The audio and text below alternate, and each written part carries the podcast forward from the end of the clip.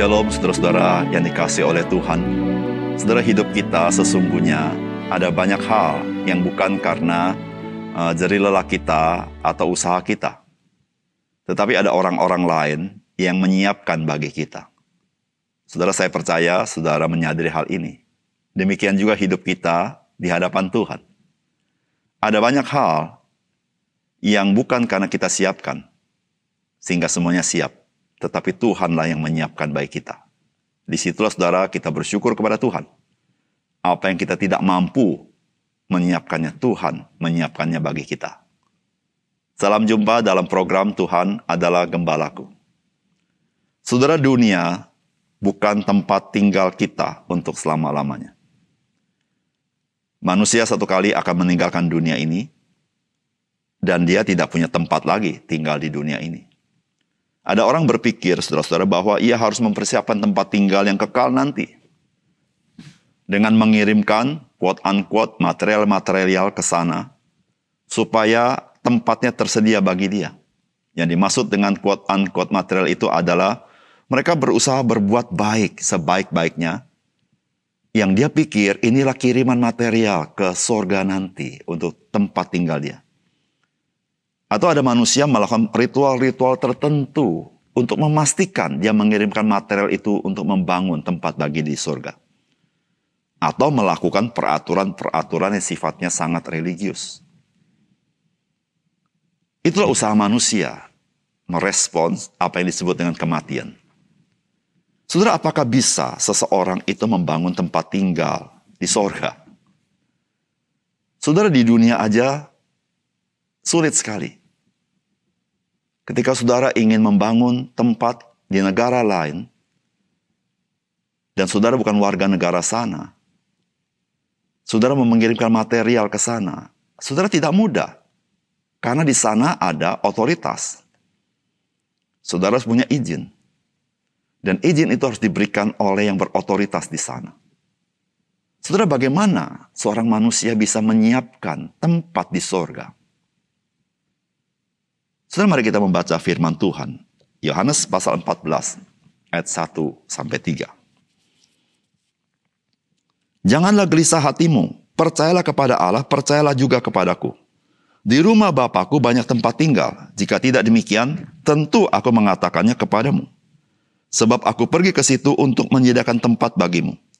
Dan apabila aku telah pergi ke situ dan telah menyediakan tempat bagimu, aku akan datang kembali dan membawa kamu ke tempatku, supaya di tempat di mana aku berada, kamu pun berada. Saudara yang dikasih oleh Tuhan, bagian firman Tuhan yang kita baca yaitu perkataan Tuhan Yesus kepada murid-muridnya. Karena Tuhan Yesus telah memberitahukan bahwa dia akan meninggalkan murid-muridnya.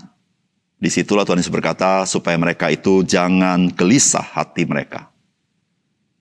Karena Tuhan Yesus tahu murid-murid pasti khawatir. Apalagi ketika murid-murid melihat Tuhan Yesus mati disalibkan, pastilah mereka menjadi ketakutan. Mereka menjadi gelisah.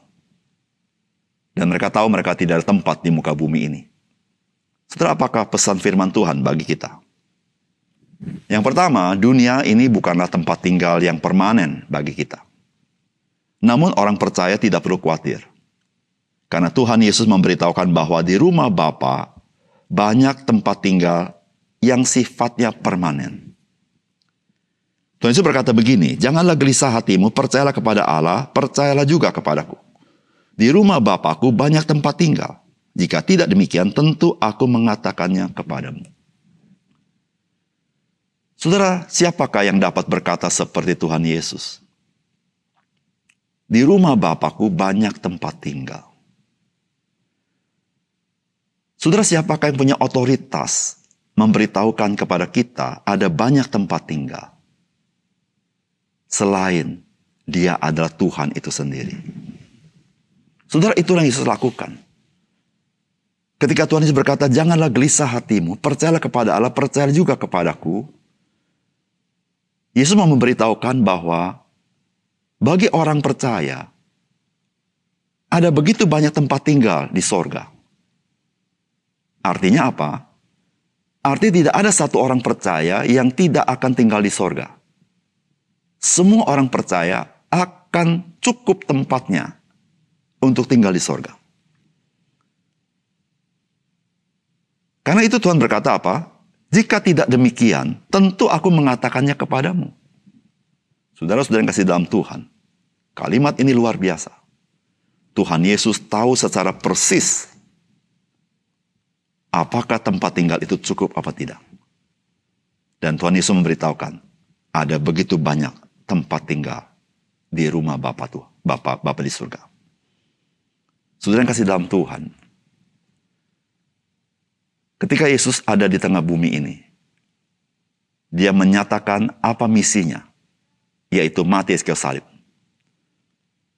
Namun misi mati ke salib untuk menanggung dosa kita. Supaya kita tidak binasa. Tetapi Tuhan ada tempat di sorga bagi kita. Saudara, bukankah ini sebuah keindahan? kita tidak lagi menghadapi kematian dengan rasa takut dan tidak pasti. Tapi dengan sukacita, karena kita akan tinggal permanen di tempat yang disediakan oleh Tuhan Yesus, di sorga. Itulah tempat bagi orang-orang yang mau percaya kepadanya. Saudara-sudahkah saudara percaya kepada Yesus? Supaya Yesus menyediakan tempat bagi saudara. Tempat yang indah bersama Bapa di surga. Yang kedua, Saudara orang percaya tidak perlu khawatir karena Tuhan Yesus kembali ke rumah Bapa untuk menyediakan tempat bagi orang percaya. Dan kemudian ia akan datang kembali untuk menjemput orang percaya ke tempat di mana ia berada. Saudara firman Tuhan berkata, dan apabila aku telah pergi ke situ dan telah menyediakan tempat bagimu, aku akan datang kembali dan membawa kamu ke tempatku supaya di tempat di mana aku berada, kamu pun berada. Saudara orang percaya sungguh-sungguh tidak perlu khawatir sama sekali. Bukan hanya tempat di sorga itu begitu banyak cukup buat orang percaya. Dan memang buat orang percaya.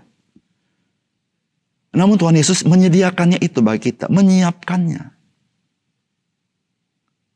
Saudara inilah Yesus berkata, aku datang bukan untuk dilayani tapi melayani. Dia menyiapkannya bagi kita.